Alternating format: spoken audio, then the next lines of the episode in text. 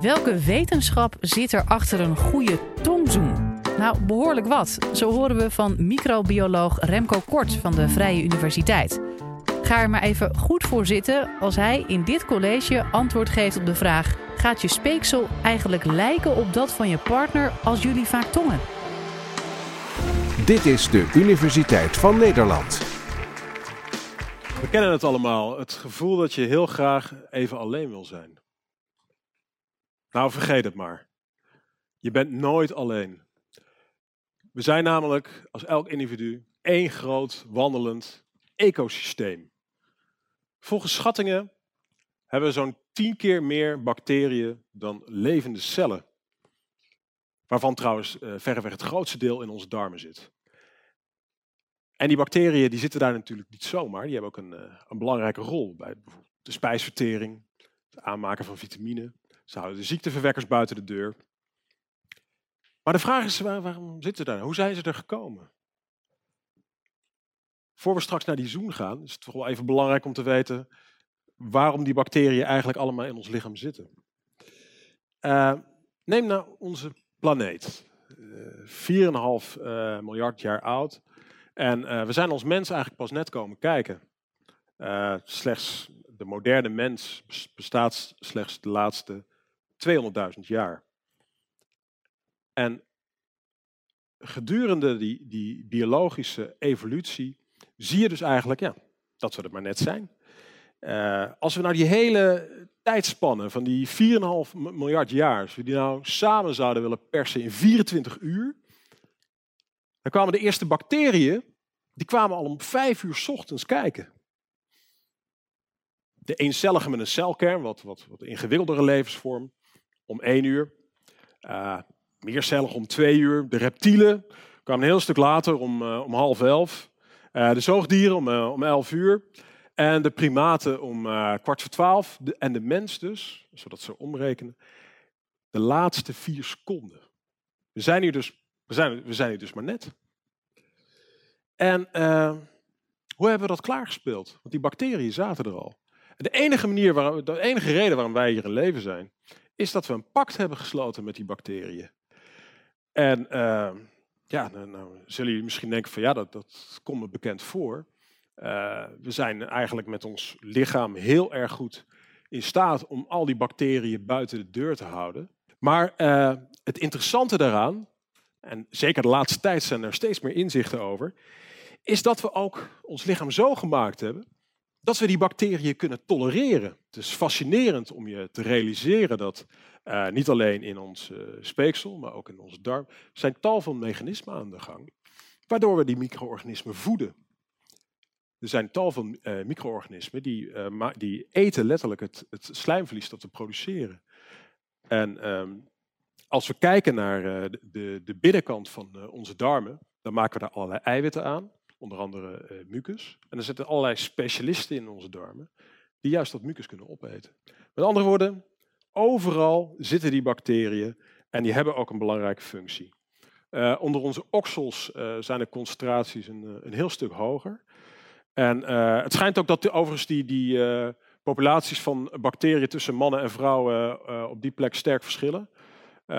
bij mannen zijn en, en, en die genereren ook een bepaalde lucht. Uh, bij mannen schijnt dat te leiden tot een, uh, een beetje Franse kaas, camembert-achtig. Bij vrouwen is het meer uh, uien, grapefruit. Ik weet niet, het was voor mij niet direct een feest van herkenning toen ik dit artikel hierover las. Maar ik, zag hier wel een paar mensen instemmend knikken, dus het komt blijkbaar toch bekend voor. Ja, volgens de, de, meeste onderzoeken op dit gebied worden we zo, zo goed als steriel geboren. En uh, ja, vanaf het moment dat we het geboortekanaal verlaten, daar is overigens een hoop bacteriën die belangrijk zijn voor een eerste start. Uh, zie je dat we gekoloniseerd worden. Over het algemeen is die, is die populatie in de eerste drie jaar dan nog redelijk variabel. Maar uh, daarna stabiliseert hij zich. En we zien hele grote uh, individuele verschillen. Maar het is opvallend hoe per individu die populatie over het algemeen stabiel is in de tijd. En dat was nou precies een uh, vraag waar ik me eventjes mee uh, bezig wilde houden. Want ik, ja, ik zeg wel stabiel in de tijd. Maar uh, is er nou geen voorbeeld te verzinnen van een van een handeling waarbij je wordt blootgesteld aan een hele grote concentratie bacteriën. En toen heb ik dus, omdat ik, ik werk, had ik nog niet helemaal duidelijk gezegd misschien voor, voor TNO, maar ik heb ook een baan bij Artis, waar ik betrokken ben bij het Micropia Museum. Dus toen hebben we daar de handen ineen geslagen en hebben een, een onderzoek gedaan waarbij we hebben gekeken naar het, het effect op die, op die populatie bacteriën in de mond na een, uh, na een tongzoen. En uh, ja, ik heb daarvoor vanavond twee vrijwilligers gevonden die graag willen bijdragen aan het onderzoek.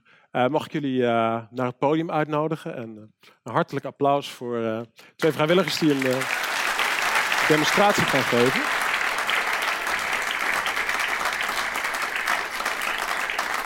Eh, wat is jouw naam? Madelon. Madelon en?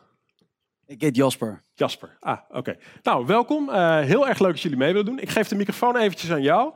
En uh, ja, het, het, moet wel uh, onafhankelijk onderzoek zijn, dus jij krijgt een koptelefoon op.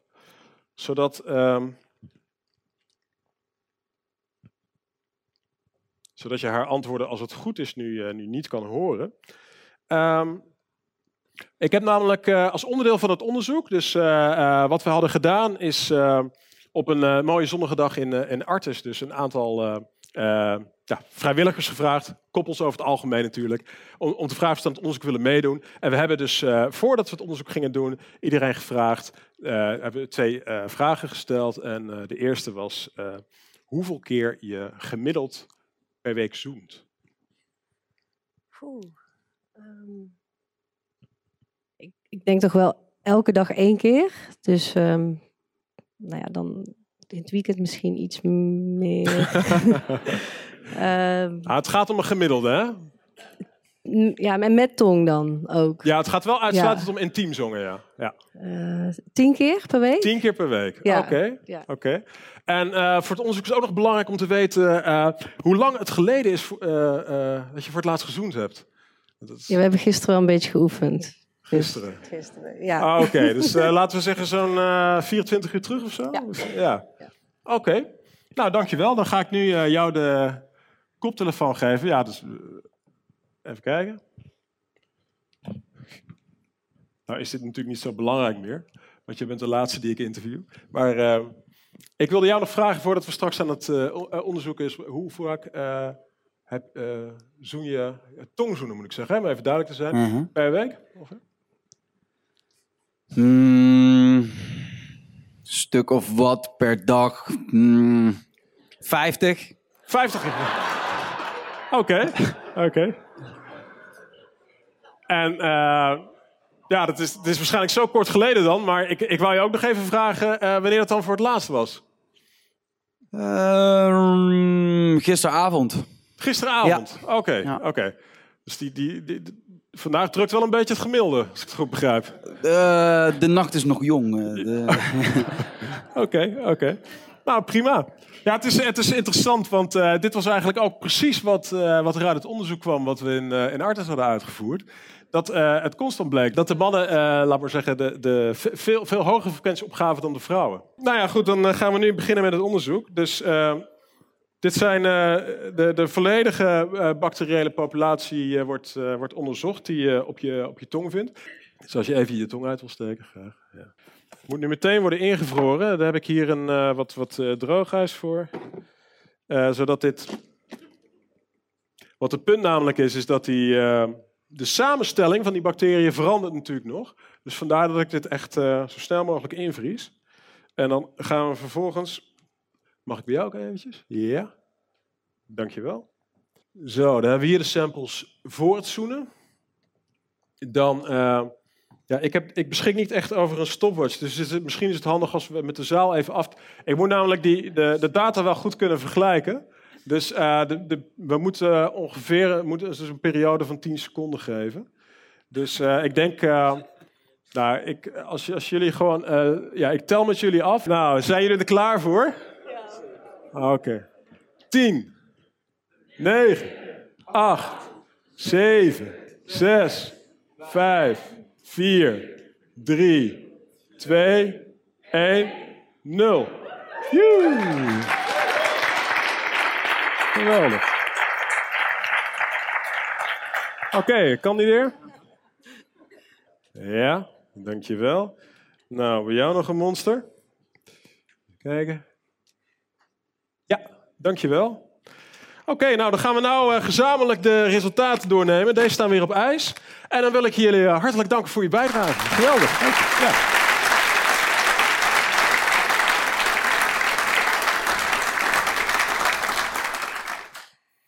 Dus eh, nou goed, we zien op, het, op het scherm als het goed is wat de resultaten waren van de studie die eerder is uitgevoerd in, de, in de dierentuin. We zagen bijvoorbeeld dat er een heel duidelijk verband was tussen de, de mate waarin het speeksel op elkaar leek en het aantal zoenen per week. Nou, je ziet dat ehm, het koppel er net niet eens het record heeft gebroken, want er zitten er een aantal tussen die nog een heel stuk hoger zijn. En, dus wat je daar ziet is een ongelijkheidsindex. En die ongelijkheid die neemt steeds verder af naarmate het aantal zoenen toeneemt. Dus dat is eigenlijk een heel duidelijk resultaat wat eruit kwam. Dat uh, het ook van belang is, tijdstip, dus de duur die het heeft geduurd, ehm, voordat de laatste zoen werd genomen. Nou, ook, ook, daar zie je weer dat als het pas geleden is, dus als het maar een paar uur heeft geduurd, dan lijkt, lijkt, lijken de bacteriën in het speeksel veel meer op elkaar dan uh, op het moment dat dat een langere periode is geweest. Goed, op deze manier hebben we dus die, die data geanalyseerd. Um, en we hebben daar nog een tweede onderzoek aan, aan vastgekoppeld. Want wat ik ook graag wilde weten in dit geval, of ik op een of andere manier een schatting kon maken van de hoeveelheid bacteriën die werden overgedragen. En dat is best wel lastig, want we kregen dus die, we deden die analyses. En je moet je voorstellen dat er zitten al enorme hoge aantallen bacteriën in de mond. Dus volgens schattingen zijn dat er op, op het speeksel en ook op de tong, zijn het er wel bijna een miljard. Dus ja, daar, daarbij vallen natuurlijk die bacteriën die je overdraagt tijdens een zoen, die vallen daarbij in het niet. En, ik, en wat wij krijgen uit dit soort analyses zijn toch de totaalplaatjes. Dus laat maar zeggen, je moet naar een verschil kijken voor twee hele grote getallen. Nou, dat is over het algemeen dramatisch. Daar kom je niet uit. Dus um, ja, wat hebben we nou bedacht? We hebben um, nadat uh, de koppels mee hebben gewerkt aan het onderzoek, hebben we nog een, een tweede zoom gedaan. En waarbij we gevraagd hebben of ze een, een drankje wilden nemen met een probiotische bacterie erin. En dat was een, een, een melkzuurbacterie die, die normaal gesproken in de mond nauwelijks voorkomt. En we konden in onze data, waarin we dus het overzicht krijgen van al die bacteriën, konden we die, die, eh, die melkzuurbacteriën natuurlijk heel goed uitpikken. Dus uh, wat we hebben gevraagd, neem een slok van het drankje. Vervolgens hebben we even gewacht tot die uh, bacteriën ongeveer op het niveau zaten die normaal gesproken ook in, in speeksel zitten. En toen hebben we weer opnieuw gekeken naar die, naar die overdracht. En toen kwamen we dus op een, op een hoeveelheid van ongeveer 80 miljoen gemiddeld per overdracht. En um, we, we hebben dus aan dat, uh, uh, aan dat getal, dat hebben we dus kunnen halen uit, uit ja, laten we zeggen, gemiddeld uh, per zoen.